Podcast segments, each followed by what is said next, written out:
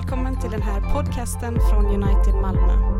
För mer information om oss besök www.unitedmalmo.nu och följ oss på Twitter.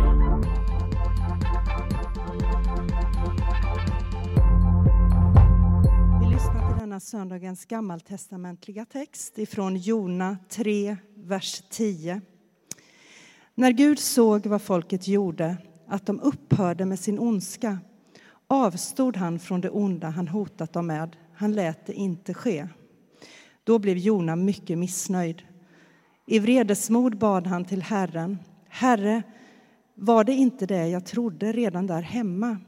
Det var ju därför jag ville fly till Tarsis förra gången. Jag visste ju att du är en nådig och barmhärtig Gud, sen till vrede och rik på kärlek, beredd att ångra det onda du hotat med. Så ta mitt liv, Herre, det är bättre för mig att dö än att leva. Herren sa, har du skäl att vara vred? Jona lämnade staden och slog sig ner öster om den. Där byggde han sig en hydda så att han satt i skugga medan han väntade på att få se hur det skulle gå med staden. Herren Gud lät nu ett kurb, kurbitsträd växa upp över Jona. Det skulle skugga hans huvud och befria honom från hans missnöje. Jona blev mycket glad över kurbitsen. Men i gryningen nästa dag lät Gud en mask angripa trädet och det vissnade ner. Och i soluppgången lät Gud en glödhet östanvind blåsa. Solen brände Jonas huvud, han var nära att svimma och önskade sig döden. Det är bättre för mig att dö än att leva, sa han. Då frågade Gud honom, har du skäl att vara vred för kurbitsens skull? Jonas svarade, jag har alla skäl i världen att vara vred. Herren sa, du bekymrar dig för ett träd som du inte själv har lagt något arbete på och som du inte själv fått att växa. Så, som kom till på en natt och försvann på en natt.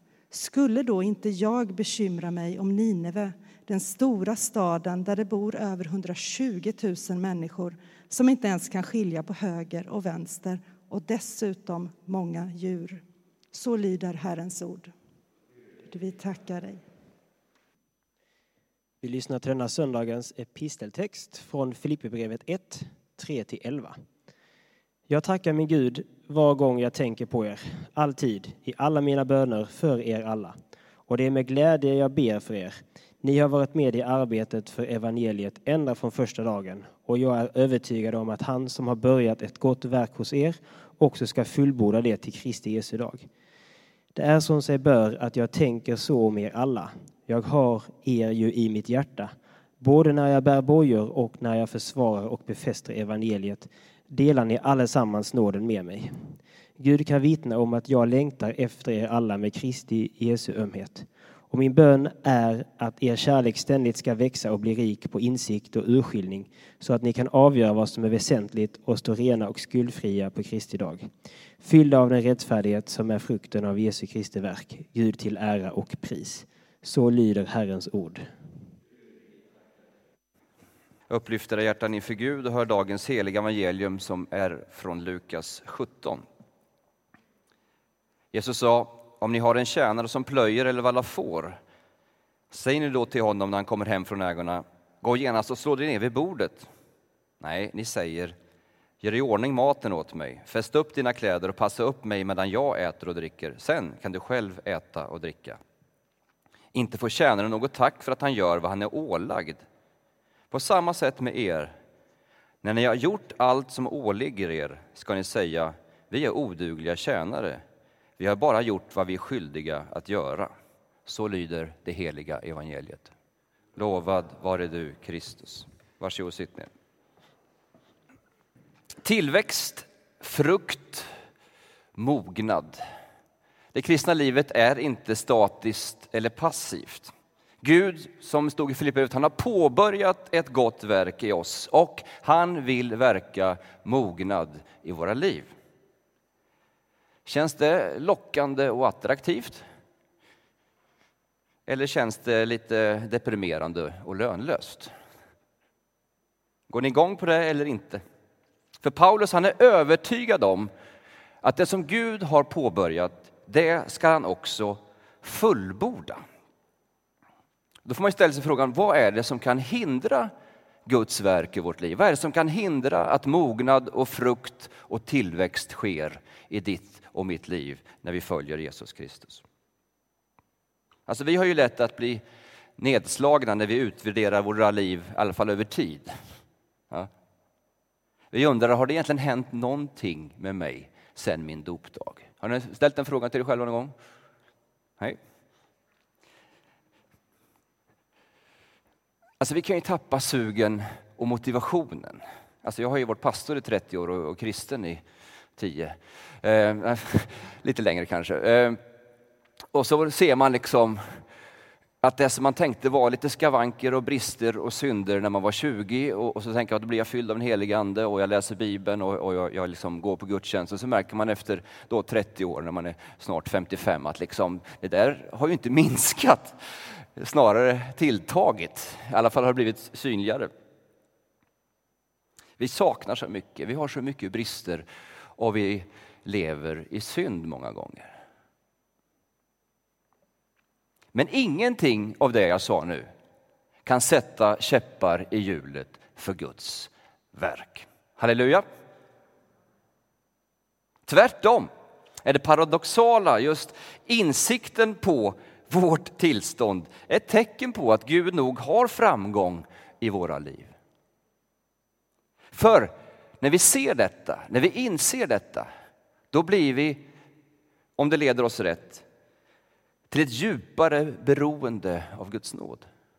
En större tacksamhet över hans godhet, till en sann ödmjukhet och inte minst en barmhärtighet mot våra stackars syskon som lider under samma plåga. Agne Rolander skriver i sin bok Helhetens återkomst om en berättelse som han fick höra från en ortodox biskop. Det var nämligen så att det var en from prästmunk som på sin ålders höst föll i en svår sexuell synd med en biktande kvinna. Och den här prästmunken var väldigt känd för sin helighet. Och han blev ju alldeles förtvivlad när nu det här skedde. Så han sökte upp sin biskop för att bikta sig och så säger han så här. Fader, hela mitt liv är meningslöst. All den helighet jag uppnått genom Guds nåd och sakramenten genom fastor och böner, genom segerrik kamp mot passionerna och genom ihärdig andlig disciplin har nu slagits i stycken. Nu kan jag inte frälsas, den eviga elden väntar mig. Och biskopen han blev djupt skakad, inte framför allt över syndafallet utan över den helgade prästmunkens gigantiska högmod och egen rättfärdighet. Efter ett långt samtal så uttalade biskopen absolution över den botfärdige som avled strax efter en händelse. Och biskopen kommenterade det här syndafallet som hade skakat ett helt kloster med de här orden. Hans syndafall blev hans räddning. Hallå? Och våran grundare IFS Rosenius, han skriver så här i en bok. Gud sätter krokben för sina heliga för att förhindra att de ska bli så fromma och märkvärdiga att de i verkligheten inte längre behöver Guds nåd. De har börjat leva på sin egen duktighet, präktighet och helighet. Gud sätter krokben för sina heliga. Hur känns det? Just inte för att vara elak, utan för att ibland så sätter vi vår tilltro, vår rättfärdighet i någonting annat än i Kristus och hans nåd och stora gåva. Alltså det här är inte en uppmaning att vi ska ta lätt på synden, för den har alltid negativa konsekvenser med sig som vi känner till. Men poängen är att vi ska drivas in och lära oss att leva i det som kallas för nådens livsrum. I förtröstan på att det i allt detta är Gud som gör sitt verk i oss. Alltså frukten uppstår i våra liv när vi släpper våra såna krampaktiga tag om oss själva och vår egen ambition att åstadkomma detta utan Gud. För vi har en inbyggd tendens i att hela tiden så, åh tack Gud för din nåd. Och sen känner man, okej, okay, nu tar vi klivet ut för nu ska jag se till att det blir någonting gjort. Och så kliver vi ur nådens livsrum för att vi ska åstadkomma det på egen hand. Men om vi släpper det taget och lever kvar i nådens livsrum, då kan det vara att Gud kan, kan verka sitt verk i, i våra liv. Lyssna. Det som gör att Guds verk tar en paus i våra liv är alltså inte våra synder, inte våra brister, inte våra tillkortakommande, utan det är när vi säger nej till Gud och hans nåd. När vi vänder honom ryggen. Och när vi drar oss bort från honom och kyrkan och när vi slutar med våra uppriktiga samtal med honom. Då stänger vi Gud ute. Och det har vi också en tendens till, för vi tycker, har vi fallit, har vi misslyckats, vi tycker inte det är så goda kristna som vi var, då, då, då skäms man ju. Då, då vill man inte ha den relationen. Har jag sårat eh, Lovisa här kraftigt, då sitter inte jag gärna och fikar med henne i fortsättningen, utan då drar jag mig undan så jag inte behöver möta det jag har gjort. Och Det är samma sak i vår relation till Gud. Vi har en tendens då att dra oss undan, liksom, slicka såren och, och ställ, stänga igen det samtal som är så viktigt för att frukten ska komma. Något annat som hämmar tillväxten och kräver kärlek, kväver kärleken i våra liv, det är när vi lever med ett belöningstänkande och söker andras erkännande som drivkraft. Vad tyckte ni om den här liknelsen som, som fanns i Lukas evangeliet som vi läste idag? Den känns inte så skön, rätt brutal. Alltså läser man det slarvigt kan man ju bli helt knäckt. Ska vi kalla oss själva för odugliga tjänare? Ska vi inte få uppskattning och liksom för det vi gör? Tänkte ni det när ni hörde den texten? Alltså har vi inte tillräckligt med psykisk ohälsa och lågt självförtroende när vi ska höra från Jesus också? När han kommer in och har jobbat hela dagen, då ska du inte bara lägga dig, utan nu ska du passa upp här. Och sen ska du säga, jag har bara gjort vad som är ålagt, jag är en oduglig tjänare. Tack, tack. Men dagens evangelietext är som alltid insatt i ett större sammanhang. Och vad Jesus gör i den där passagen i Lukas 17, det är att han kontrasterar lärjungens liv med fariseernas liv. Den ifrågasätter vårt instrumentella tänkande. För vi kommer så lätt in i ett instrumentellt tänkande. Varför ska jag tjäna min nästa? Varför ska jag göra si och så? Och fariséerna eh, från Matteus 6 som ni kanske kommer ihåg, där det står att de ska ge sina gåvor. Då har de en kille som står och spelar trumpet bredvid för att alla ska uppmärksamma. Nu gav de hundra spänn i kollektboxen. Eller att de såg ut, liksom tvättade inte håret och hade aska i ansiktet bara för att visa att nu fastar jag och så vidare. Och de bad långa, långa böner på ett stort podium. Alltså de ville få belöning och erkännande från sina medmänniskor. Och de tänkte om vi åstadkommer detta, om vi är, bjuder med fler människor, om, om jag ställer upp mer och mer, om jag, jag tjänar mer och mer, då kan jag avancera och komma längre och längre in i den innersta cirkeln eller få församlingens eller pastorns eller framförallt Guds erkännande. Och det kväver frukten i våra liv. Den är fri och salig som tjänar utan att vara beroende av andras klappar på axeln eller olika kommentarer från viktiga personer. Alltså, från mitt perspektiv när jag ska tjäna. Varför tjänar jag mina medmänniskor? Varför gör jag det jag gör i kyrkan och så vidare? Är det utifrån en tacksamhet att Gud har räddat mig, tagit mig i sin tjänst, gett dessa gåvor till mig? Eller är det för att jag ska få många, så många likes som möjligt på de sociala medierna eller vad det nu är? Och då är det lätt att ge upp när man inte får det erkännandet, inte får de berömmen, inte tycker att de viktiga personerna i kyrkan ser vad man gör. Känner ni igen det här? Så vad liknelsen i Lukas handlar om det är att vi ska kunna tjäna vår nästa, tjäna Gud utifrån frihet och salighet. Sen finns det, det andra perspektivet. Det är att vi ska uppmuntra varandra och uppskatta varandra och glädja varandra. Men jag kan inte stå här och predika och hoppas här, Jaha, hoppas de säger att det var en bra prika nu. Hoppas de kommer fram efteråt och klappar mig på axeln. Annars blir jag knäckt. Utan jag får göra detta utifrån att jag, eh, eh, till Guds ära och till er uppbyggelse. Och sen får ni gärna ge uppskattning, men det kan inte vara min drivkraft.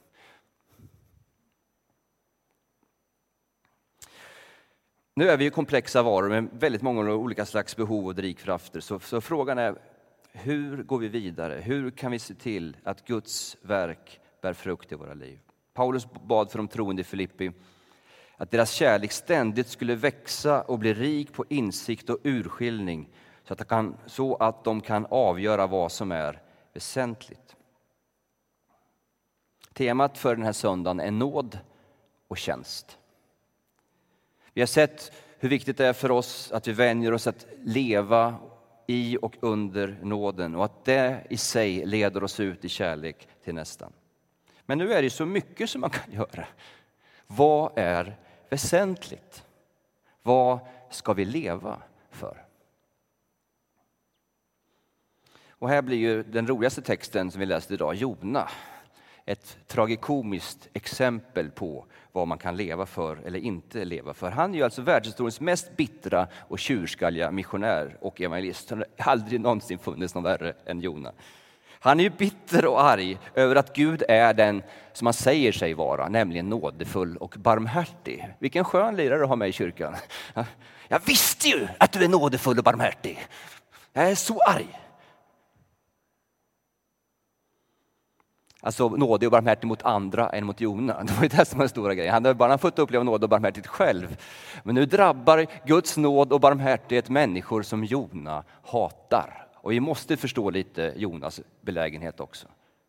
För de som Gud benådar är Israels värsta fiender som har terroriserat dem och plågat dem under så många år. Och de förtjänar straff, men Gud ger nåd. Vad lever Jona för? Jo, han retirerar in i sin egen bubbla och det enda som blir viktigt för honom är hans eget välbefinnande.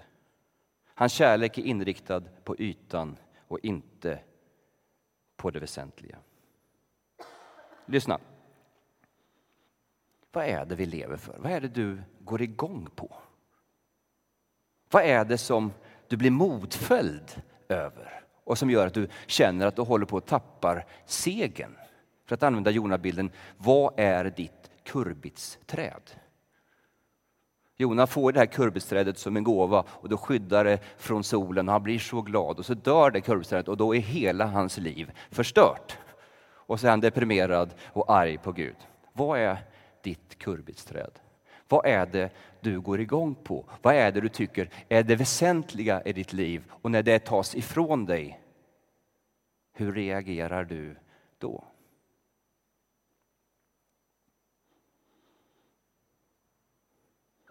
Det är bra att ställa de frågorna.